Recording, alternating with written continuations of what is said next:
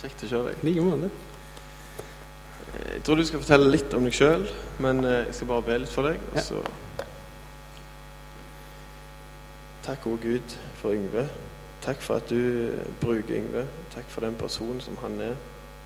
Han har sagt ja til å tale dine ord i kveld. Må du tale gjennom hans munn og rett inn i våre hjerter. Eh, Vi må feste blikket på deg, og vi må være klar for det som du har lyst til å fortelle oss i kveld. Ditt navn, Jesus. Amen. Skal vi se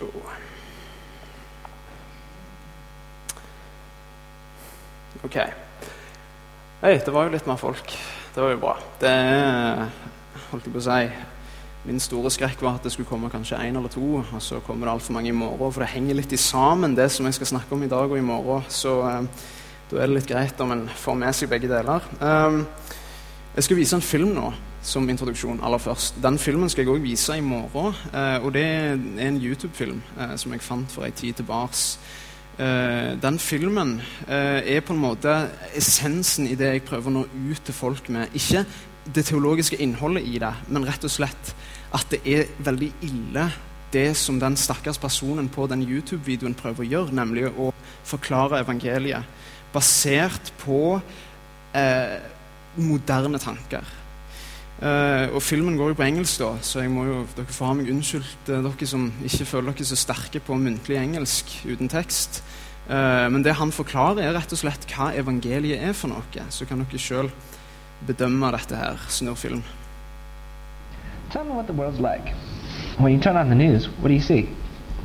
Well, between all the violence and war and terrorism and the AIDS pandemic and global warming, we've got to say our world's pretty messed up. What's interesting is how we feel about that. Uh, none of us think that that's a great thing. All of us long and ache for a better world. Well, isn't that interesting? Because um, hunger seems to point to the fact that food exists, and thirst points to the fact that water or drink exists. So our longing and aching for a better world seems to point to the fact that either a better world did exist or will one day exist. Well, in the Christian worldview, we believe it did. And that uh, back in the day, um, God designed it so that the planet took care of us and we took care of it and we took care of each other. And God took care of us and we blessed him back. And that the whole thing was designed for good. So how did we get here? Well, we decided that we were going to run the show, and when we started chasing our own needs above caring for other people or the planet, we started damaging the planet, we started damaging our relationship with each other, and ultimately we damaged our relationship with God so that the whole thing was damaged by evil.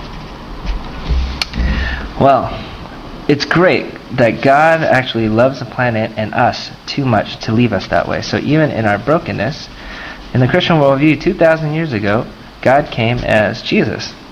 And in that, he started to teach us a better way to live and began to tell us about this thing called the reign of God, where all the good things that's supposed to happen actually do. And so he taught us, and in his death, all this crap died with him, so that three days later, when he came back to life, there's new life possible throughout everything, throughout the planet, in us, and with each other. And so everything is being restored for better. Well, then what's our response? Well, in this world, that's still messed up. Jesus is starting a revolution, and he's asking us to be healed ourselves in Jesus' name, to be healed in each other, and to go out and heal the planet. And that our mission is to be sent together to heal. Now, how come I can't just jump from here to here? This sounds great. Well, the world's problems are infinite, and we're going to get overwhelmed trying to take care of this on our own. So we actually need Jesus' resources so that we can become the kind of good that we want to see on the planet. And that's crucial. So, where are you? Are you here, where you think the world is peachy? Or here, overwhelmed by the world's problems? Or are you here, got some sense of God working in your life, but not involved in His mission? Or you're here, you're trying to actually make this world a better place, relationships and you and everything, but have a hard time finding how God fits into the picture. Where are you? Ok, Hvis du bare kan ta opp det siste bildet der, og så bare ta den på pause. Så bare får han litt fram der.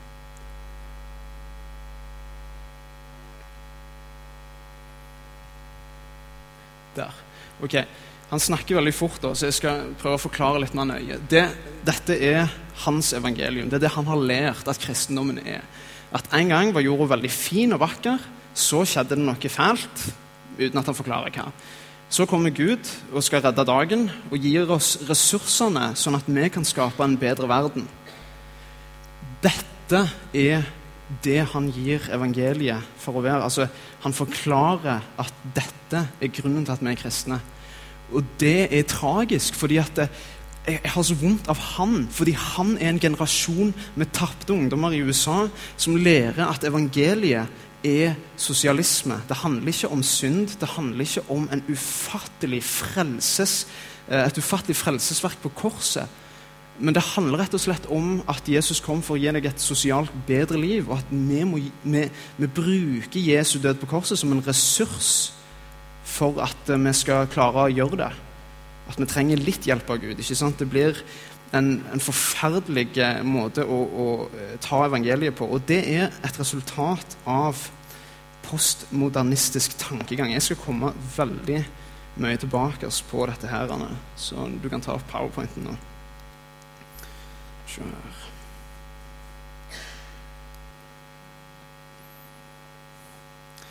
Ok.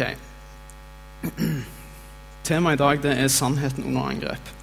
Det er veldig mye fremmedord her. Ikke, jeg, vil, jeg, vil, si at det, dette her er ikke et um, tradisjonelt møte. fordi at her kommer vi til å snakke om hva som har skjedd i verden de 200 siste åra, uh, hva som har skjedd de siste 30 åra, og vi kommer til å gå veldig mye inn på uh, en terminologi, altså ord som ikke er vanlig i vår dagligtale, men som jeg skal forklare. Jeg skal forklare hva som er den store trenden i verden, og hva som, uh, hva som holder på å skje eh, i vårt samfunn. Eh, de ordene Jeg syns Trond sa, sa, det veldig bra. Kjøp deg sannhet, og selg den ikke. Kjøp visdom, formaning og innsikt. Og vi har den sannheten. ikke sant? Vi har Bibelen. Og det er som Trond sier når vi har kjøpt den Bibelen, så selger man ikke. Men problemet er jo at eh, svært mange mennesker som eh, kommer inn i kristendommen, bruker den Bibelen altfor lite. Så uansett, det blir mye stoff, så hold fokus. Eh, jeg skal gjøre mitt beste for å gå gjennom det i et godt, rolig tempo. Eh, så først, først, av alt så vil jeg si det at eh, i Norge i dag så lever vi i modernismen hva modernismen er. Det er et veldig bredt tema, men det skal jeg komme litt tilbake til. Og vi er på vei inn i den postmoderne tid. Men det kommer ikke som ei flodbølge, det kommer mer som en saktegående flod. Fra den franske revolusjonen og fram til Berlinmurens fall gikk modernismen sånn omtrentlig. Det tok ca. 100-150 år fra den franske revolusjonen før modernismen virkelig hadde satt et dypt preg i den vestlige verden. Og Grunnen er at eh, den gang hadde de ikke Internett og Facebook og TV. Så ting tok lang tid. Ideer som filosofer hadde om mennesker og deres storhet, det tok lang tid å få innprenta. I dag derimot så har vi jo Internett. Vi har eh, TV, og vi har en, en massekommunikasjon som er så den er global, og det går så fort at ting sprer seg mye fortere. Så overgangen fra modernismen til postmodernismen kommer til å gå mye kjappere, uten tvil. Her er et perfekt eksempel på hva postmodernisme er for noe, rent religiøst sett. Uh, Mette-Marit, uh, eller Hennes kongelige høyhet, kronprinsesse Mette-Marit, hun har profilert seg veldig som en, en, kristen. Hun har hatt mye deltakelse i kultu kulturelt kirkeverksted. Hun har lagd en del videoer. Eh, nei, eh, CD-er. Har vært med, på, vært med på en del sånne prosjekter i, i eh, holdt jeg på å si, statskirka. Det, det, er mye aktivitet hun har hatt i kirka. Um, I sommer så kunne ABC Nyheter melde om at uh, hun var på en tur i Kashmir og lette etter meninger med livet. Og tilbringte da tida med en meditasjonsguru hvis navn var Sharon Myoshin Kelly. Hun tilbringte altså tid med en buddhistisk guru for å lære seg buddhismens veier. Uh, Og det er klart, Den religionsblandinga gikk jo ikke upåakta henne. Den tok de opp og stilte litt spørsmål med hva som er greia her. Men egentlig så er Mette-Marit moderne, eller postmoderne. Hun blander akkurat ting sånn som det passer seg. Hvis hun vil være litt buddhist, litt kristen, hvis hun vil være litt hinduist, om så er, så kan hun gjøre det. Det er ingen som egentlig vil kritisere det for hardt. Fordi husk, vi lever i en tid hvor vi ikke skal kritisere. Um, dette her er altså et typisk, typisk uh, tegn på en, et, en omveltning til ny religiøsitet. Det er tidens ånd. Jeg sa at modernismen begynte med den franske revolusjonen. Den 14. juli 1789 så angriper franske bønder Bastillen i Paris. Og det setter et veldig tydelig skille på Europas historie. Fordi at de franske arbeiderne, fattigfolket, har levd i undertrykkelse fra aristokratiet. Og har eh, slitt veldig under harde kår med lite tilgang til mat og ressurser. Mens eh, monarkiet i Frankrike den gang levde i sus og dus. Og dette forarga folket så mye at de eh, gikk, fikk, det ble opprør, og, og, til slutt så kom altså denne berømte franske revolusjonen. Og Så ille var han at de, de, de, altså, de tok jo omtrent livet av hele aristokratiet i Frankrike på den tida. Eh, og det kom jo egentlig fullstendig ut av kontroll. Og her begynner modernismen. Her begynner tankegangen om at mennesker, alle mennesker er verdt noe. Her begynner den tida som vi har levd så trygt inni. Eh, men når vi snakker om apropos den franske revolusjonen, så vil jeg at dere skal tenke på en ting. England har fortsatt monarki. Har dere tenkt på det? Og det at England har monarki, det er faktisk ganske interessant, fordi at England hadde akkurat de samme forholdene på den tida de fattige og bøndene i England hadde det ikke grann bedre enn de fattige og bøndene i Frankrike. Så hvorfor gikk ikke britene til revolusjon mot sin konge og dronning? Vel, det er ganske enkelt å forklare. To år etter angrepet på Bastillen så dør en mann ved navn John Wesley i England. John Wesley og hans bror de stifta metodistkirka og hadde gjennom hele sitt liv vandra rundt i England, ridd på hest og forkynt evangeliet. Og det hadde spredd seg i Storbritannia. Virkelig. Og det som er påfallende med det, er at det pga. at evangeliet fikk spre seg fritt i England, men nesten ikke i det hele tatt i Frankrike, så har folk i Frankrike grunn til å gå til revolusjon. De har ikke noe å forholde seg til som er større enn seg sjøl. De har ikke en, et evangelium som gir dem håp uansett deres livstilstand. De har ikke et evangelium som gir dem eh, frihet fra sin syndeskyld og et evig håp. Så hva skal de da gjøre? For å få rikdommen så må de jo gå til krig. Men det skjer ikke i England, og det er det som er så interessant. Det er det som er litt sånn påfallende i forhold til hva som skjer i et samfunn eh, sånn som Norge. Når vi får friere abortlover og eh, på en måte ekteskapet blir forfallent osv. Mange slike ting som skjer, så vil vi nordmenn prøve så godt vi kan å kjempe imot det.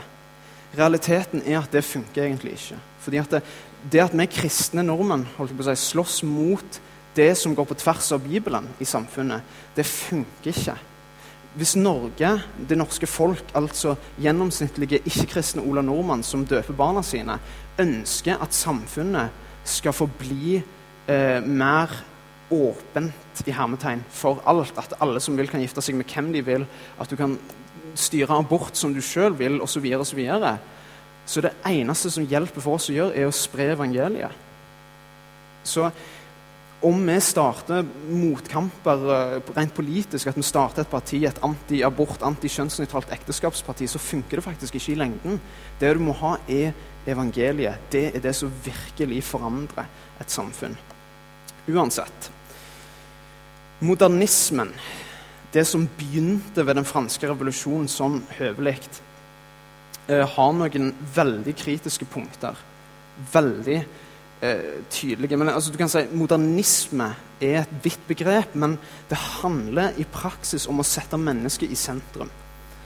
Eh, modernismen blomstra jo altså Det som blomstra opp under modernismen, det var humanisme. Det var at mennesket er målestokken for absolutt alt. Eh, og det at mennesket har blitt satt høyt, det er jo noe vi ikke trenger å stikke nesen vår langt ut forbi døra for å se. I samfunnet vårt så oppfordres det jo nettopp til det her i Norge. Det er ditt liv. Sant? Det er du som skal eh, opphøyes, din verdi osv. Altså, du er sentrum. Eh, modernismen sier at det finnes en absolutt sannhet, men helst ikke noe Gud. Helst ikke. Det finnes ingen teisme, det finnes ingen gud eller guddom eller gudinne. Nei, nei. Men det fins en absolutt sannhet. Vi bare vet ikke hvor den er. Og det vi da gjør, er at vi danner et fokus på fysisk vitenskap. Så du har sånne som Louis Pasteur, Charles Darwin, Nils Bohr og Albert Einstein, som blir store skikkelser gjennom modernismen. Louis Pasteur, som er mannen bak pasteuriseringa. Eh, Charles Darwin, selvforklarende. Nils Bohr, mannen som holdt jeg på å si, lagde de første atommodellene, og Albert Einstein, som står bak den berømte relativitetsteorien. Så den absolutte sannheten i modernismen søker de etter i den fysiske vitenskap. Individet er sentrum i modernismen. Det betyr at du som et individ har en verdi sett ifra alle andre, de milliardene som bor på planeten. Du er faktisk unik. Og det at du har en identitet og en tilhørighet til en kultur, er viktig. At du identifiserer deg med noe som en nordmann og eventuelt en subkultur eh, som en trønder. ikke sant? Og at du har en identitet til et, et samfunn. Um, modernistisk arkitektur tilpasses mennesker. Så Før modernismen så bygde en ting religiøst sett for at det skulle være prangende og ærefullt. Så Det er derfor du finner kirkebygg som er så vanvittige katedraler, gotiske osv. ut gjennom Europa, som er helt hinsides svære. Fordi det skulle representere det store ved Gud. En allmektig Gud som vi tilber. Som er så stor at det egentlig er ikke et kirkebygg verdt eh, hans ære. Men la oss bygge noe som liksom peker litt på det. Men i modernismen så blir det forkasta. Og det er derfor du faktisk finner kirkebygg gjennom modernismen som er så enkle som dette her. Det blir mer tilpassa mennesker, og det er det som er kulturen og normen.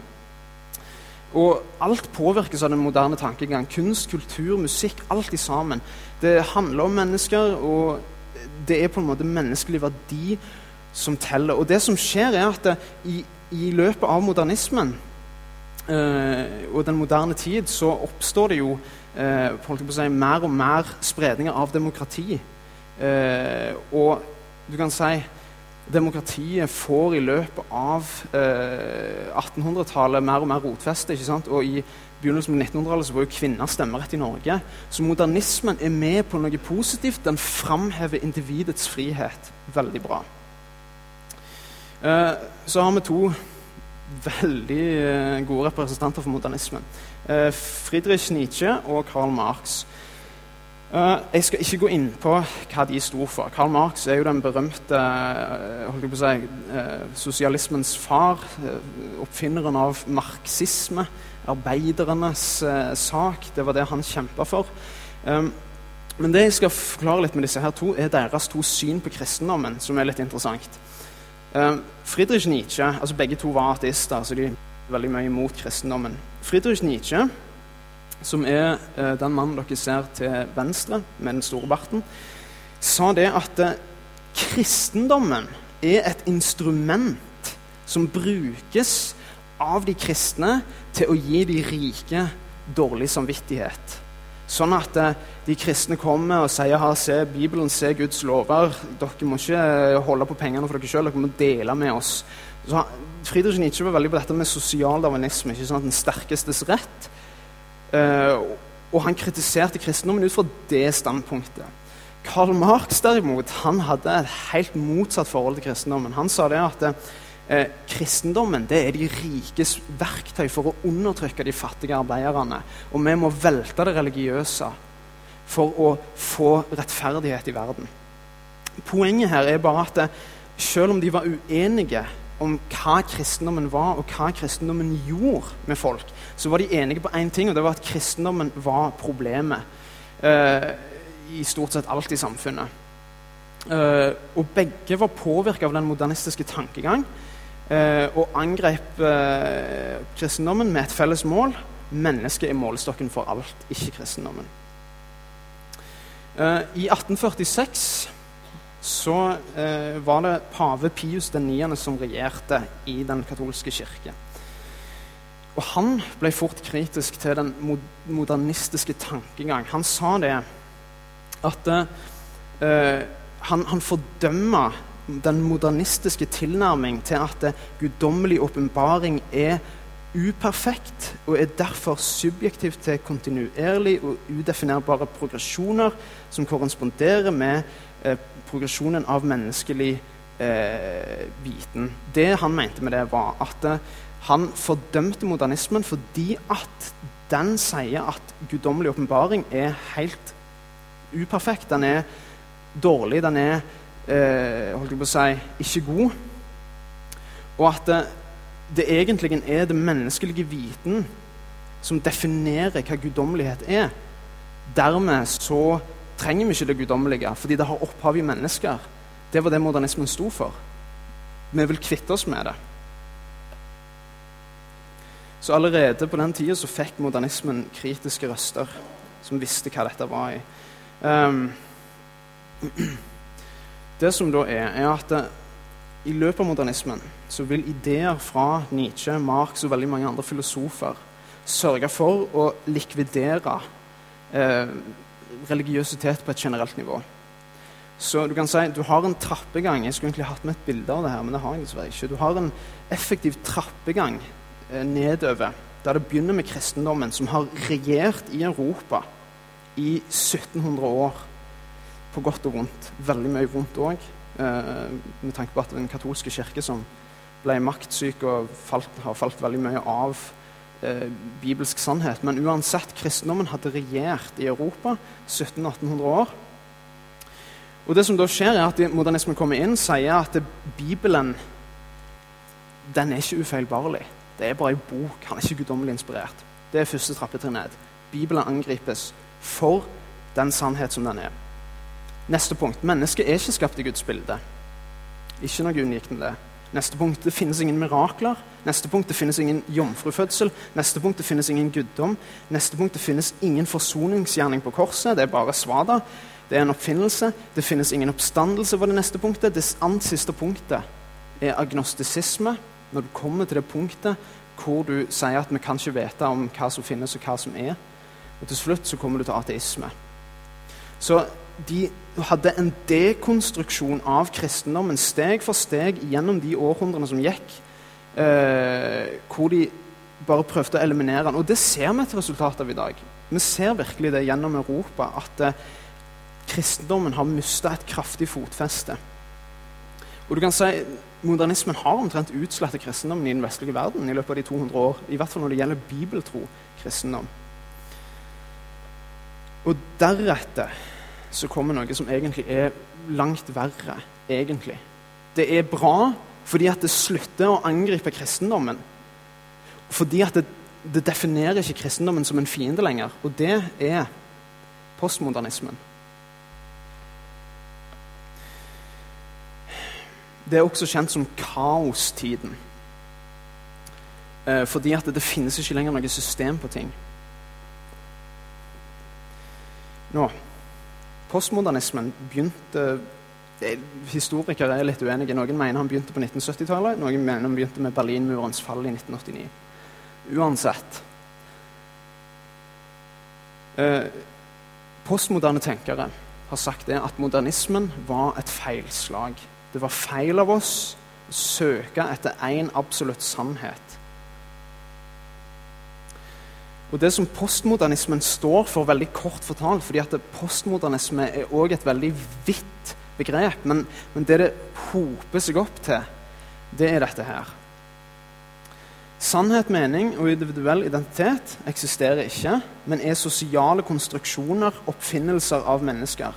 Altså, du lager din egen virkelighet. Alt som vi ser rundt oss, f.eks. at Norge er et land med statskirke, hvor vi har rettigheter eh, osv. Hvor vi har subkulturer av alt mulig. Eh, det er bare en sosial konstruksjon. Når, hvis du f.eks. er en nordmann som deltar på korsang, da har du en sosial konstruksjon i livet ditt der du konstruerer din egen virkelighet. fordi at du går på en korsang, du er del i en sosial korsangsgruppe. Eh, dere har en weekend i løpet av et år. Det er en konstruksjon du har gjort. Det er, ikke, det er ikke noe sant, det er ikke noe mening i det. Eh, og alt er liksom det, De postmoderne eh, tenkere sier at det er bedre å være barn av en blank generasjon og ikke ha noe innflytelse fra noen plass. Uh, så kommer en som er veldig ille, og det er at det finnes ikke én absolutt objektiv sannhet ifølge postmodernistiske tenkere. Det betyr at det kan umulig finnes én sannhet som er sann for alle mennesker, uavhengig av hva de tror og hvor de står henne. Det finnes mange sannheter. Så de prøver å angripe det som modernismen sto for, at det finnes en absolutt sannhet. Uh, og den definitivt verste, det verste punktet her, er at mennesket ikke har en spesiell verdi. Det er det aller verste. Uh, det at postmodernismen prøver å utslette den menneskelige verdien, det er det som er trøblete. Fordi at det, De sier at mennesket har ikke mer verdi enn planter og dyr generelt sett. Og Det er derfor du har et, en oppblomstring av miljø- og dyrevernsaktivister. Du ser sånn som Greenpeace eller eh, f.eks. World Wide Fund og sånne ting, som blomstrer opp i våre tider. Det er ikke fordi at vi har så mye penger at vi ikke vet hva vi skal bruke dem på. så da begynner vi med dyrevern. Det er fordi at uh, i postmodernismen så utslettes menneskets, menneskets, eksklusive verdi, og vi blir egentlig ikke mer, mer, mer verdt enn en plante. Og her så har den sosiale vitenskap erstatta den fysiske. Så den fysiske vitenskapen vil de ha ut, og de vil ha inn den sosiale vitenskap. Altså samfunnsvitenskap. Som den O store vi går i dybden på. ikke sant vel? Nå skal vi ikke lenger finne en, en fysisk sannhet som kan forklares i en eller annen partikkelkollisjon eller en gudepartikkel i universet. Nei, nei. Nå skal vi finne individuelle sannheter i oss sjøl. Det er derfor den sosiale vitenskap blir det interessante. Og politisk korrekthet, altså Postmodernisme kalles for politisk korrekthet-bevegelsen. Du skal ikke komme her og komme her og kritisere. ikke sant? Politisk korrekthet. Vær forsiktig med hva du kritiserer, hvem du kritiserer, og hva du kritiserer dem for.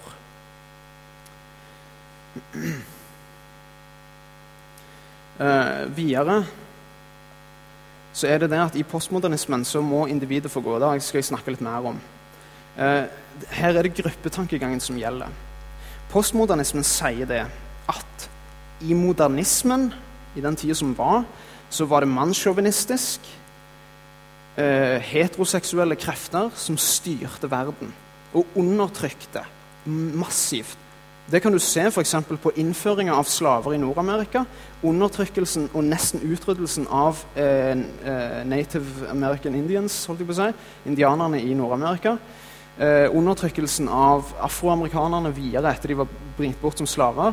Og undertrykkelsen av homofile og etniske minoriteter osv. Og, og nå skal vi gi makta til deg. Det er det som er poenget. ikke sant? Fordi at det, denne mannssjåvinistiske eh, si, styrergrupper som har styrt oss gjennom modernismen, må vi ta knekken på. Eh, og det at eh, vi har et samfunn som er tufta på verdier eh, og institusjoner osv., og, alle morale verdier, er egentlig bare uttrykk for en primær maktsøken. Mennesket skal være barbarisk. Vi skal tilbake til det naturlige. Så postmodernismen er ikke opptatt av å se framover, den er opptatt av å se på fortida. Veldig kritisk forskjell der. Jeg har et eksempel her på hva postmodernisme er i kunst og kultur. Andy Warhol har dere garantert hørt om. Han malte for øvrig et bilde av dronning Sonja i sin tid. Han var en typisk postmoderne kunstner. Fordi Før så hadde vi folk som Van Gogh, vi hadde folk som Edvard Munch og Leonardo da Vinci. Hvor mange kunstgallerier og museer i verden tror dere det er som har et maleri av da Vinci, Gogh eller Munch? Det er søren ikke mange. Kunstverk av han derimot, det flommer det over av. Og Poenget hans var at han lagde sånne trykk som det var der, av helt dagligdagse ting som ei, ei kanne med, med tomatsuppe. for at han skulle krasje det etablerte. Han skulle være imot det etablerte, moderne eh, kunsten, som var flotte, prangende malerier av landskap eller personer.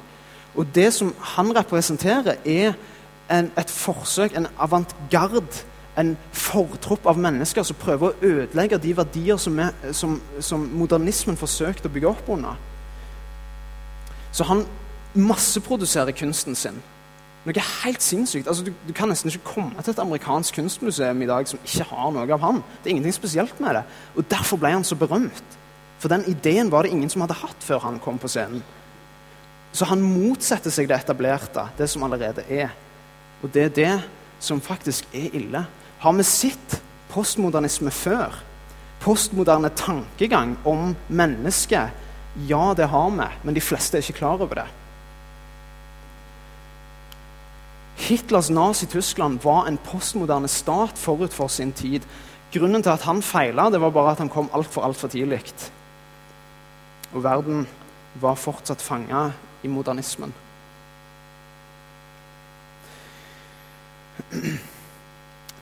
Det som er med postmodernismen, er at den søker det barbariske i mennesket. Vi skal tilbake til naturen og det mystiske i universet, og alle har sin sannhet. Så litt av poenget her er at eh, Hitlers Nazi-Tyskland hadde en religion som var samla rundt den ariske rase.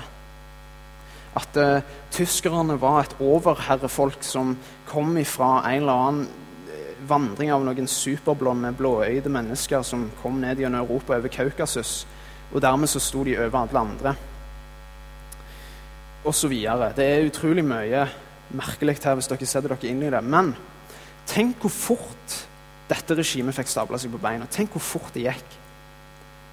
Det gikk hinsides.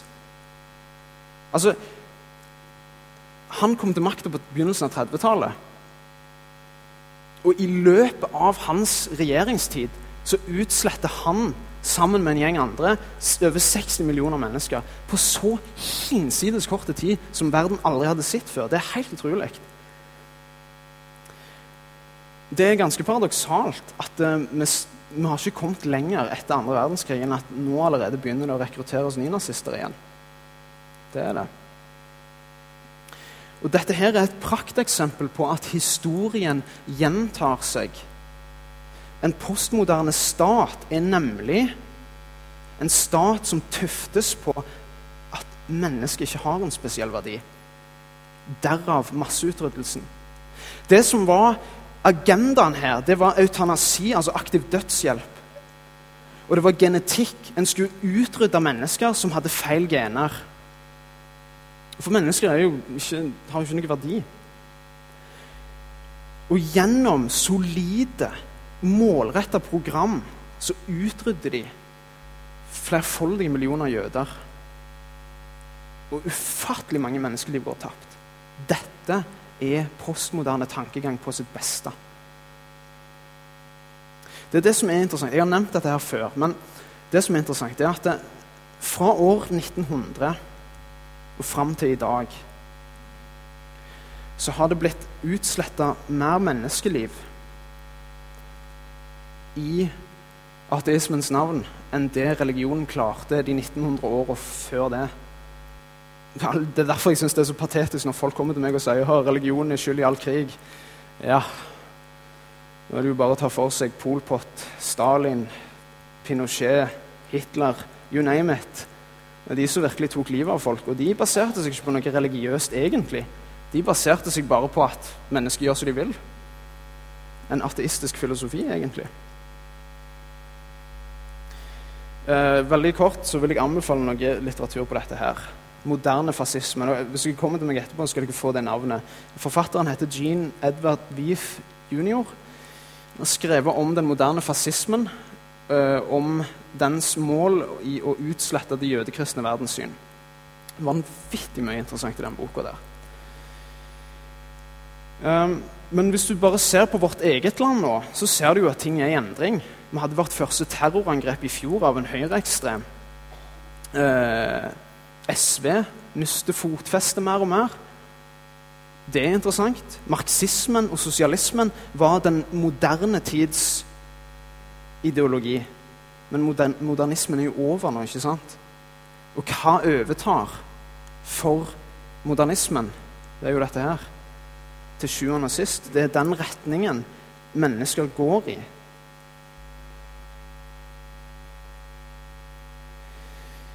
Så la oss se på noen av ok, og Her kommer noe som er veldig tørt, men jeg, jeg vil virkelig at dere skal ta et dypdykk i dette. her, i hvert fall litt, bare for å, Vi skal snakke litt om hva som er de politiske implikasjoner av postmodernismen. Altså hva kommer til å skje når den får mer og mer fotfeste. Du har noe som heter sosial konstruktivisme. og Det er at du danner din egen virkelighet, din egen sosiale virkelighet. Eh, mening, moral og sannhet eksisterer ikke objektivt, altså i form av en gud eller guddom, men er konstruert av samfunnet. Kulturell determinisme eh, er egentlig bare et annet ord for å si at mennesket er formet av kulturen. Det vil vi løsrive oss fra. Individuell identitet er avvist, så mennesker eksisterer primært som en del av en gruppe. Homofile, feminister, etniske minoriteter, afroamerikanere. Så det er gruppetankegangen som teller. Humanisme blir avvist. Det finnes ingen universell menneskehet. Ingen eh, er unike, rett og slett. Og så er det det viktigste er en fornektelse av det transcendentale. Altså Det finnes ingen gud eller guddom som blir en objektiv kilde til eh, moral og lov. Altså, når du tar disse punktene her, setter de sammen, det som er på vei inn i vårt samfunn nå, så får du fascisme.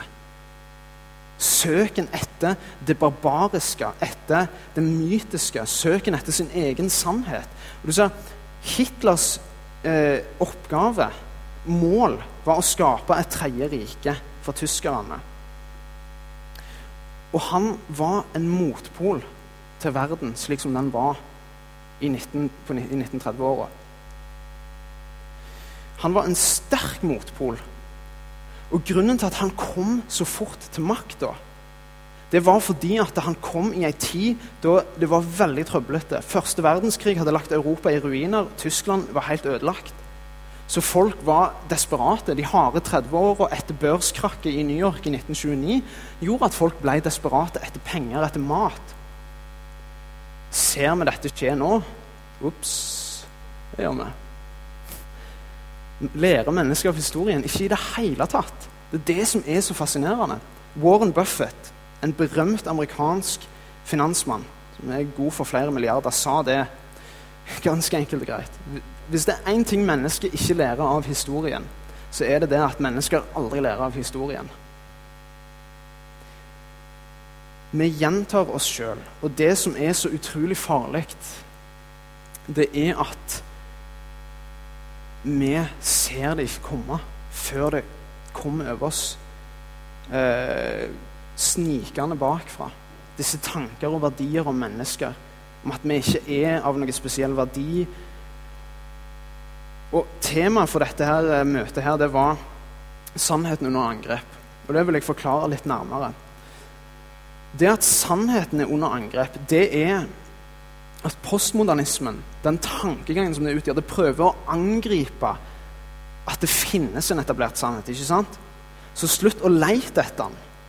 Konstruer din egen sannhet, sånn som Mette-Marit. Ta litt av buddhismen, ta litt av her og der, og slutt å bli så kritisk til alt og alle. Så slipper vi å bli så kritiske til at han der, der skal komme og stifte et nytt Nazi Hellas. Ikke sant? Så ikke kritiser noen for å konstruere sin sannhet, og konstruer heller din egen sannhet og ti stilt. Det er det som er så farlig med den postmoderne tankegang. Det er bare fullstendig kaos. Det er ikke noen retningslinjer.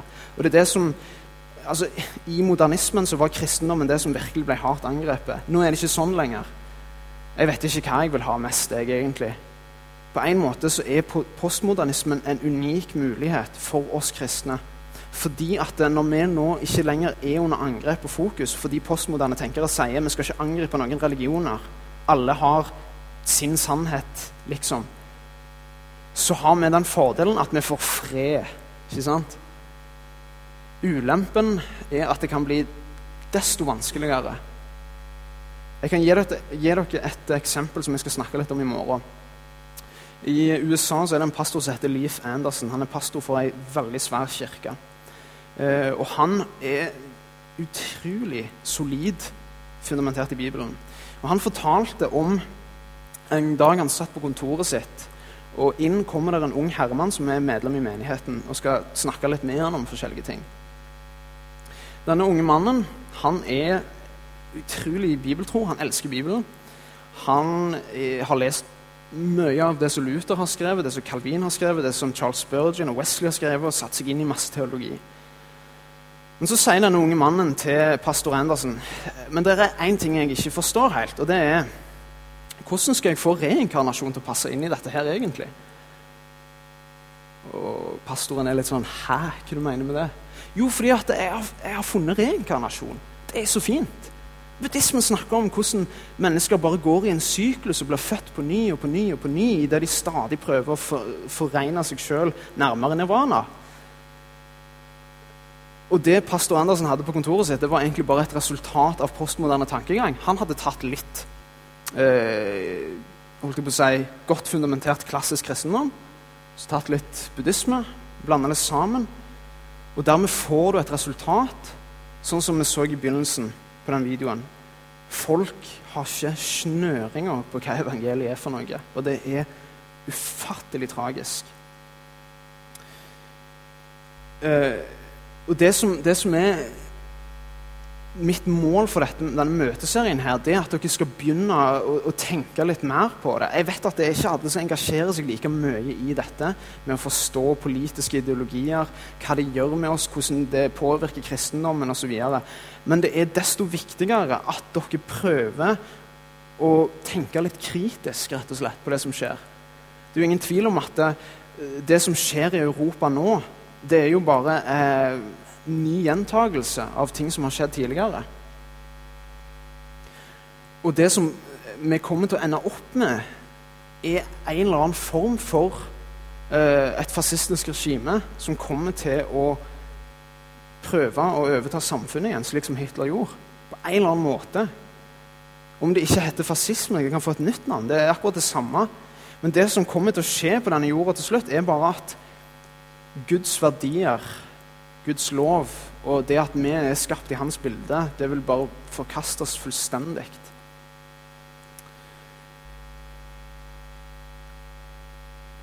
I morgen så skal jeg snakke om at kristentroen har kommet under angrep. og Da går jeg mer løs på det med at uh, folk altså at uh, vi har folk som rett og slett ikke aner hva kristendommen er for noe lenger, i veldig mange menigheter rundt omkring i Vesten. Um, og Det blir mer snakk om hva som foregår i kristne kretser. Litt mer gjennomgang der. Nå håper jeg dere har fått en innsikt. Jeg er av og til litt redd for at jeg har gått litt for fort fram. Men eh, jeg håper dere har fått litt mer innsikt i hva postmodernismen er for noe, og hva den gjør eh, med samfunnet. Eh, og i det hele tatt så håper jeg dere setter dere litt inn i det på fritida. Det er mitt håp. La oss til slutt be. Kjære himmelske Far. Takk for at du har skapt oss unikt og med en verdi som ingen kan krenke i all evighet. Takk for at du er med oss gjennom alle tider når det stormer så verst omkring. Takk for at du holder med oss.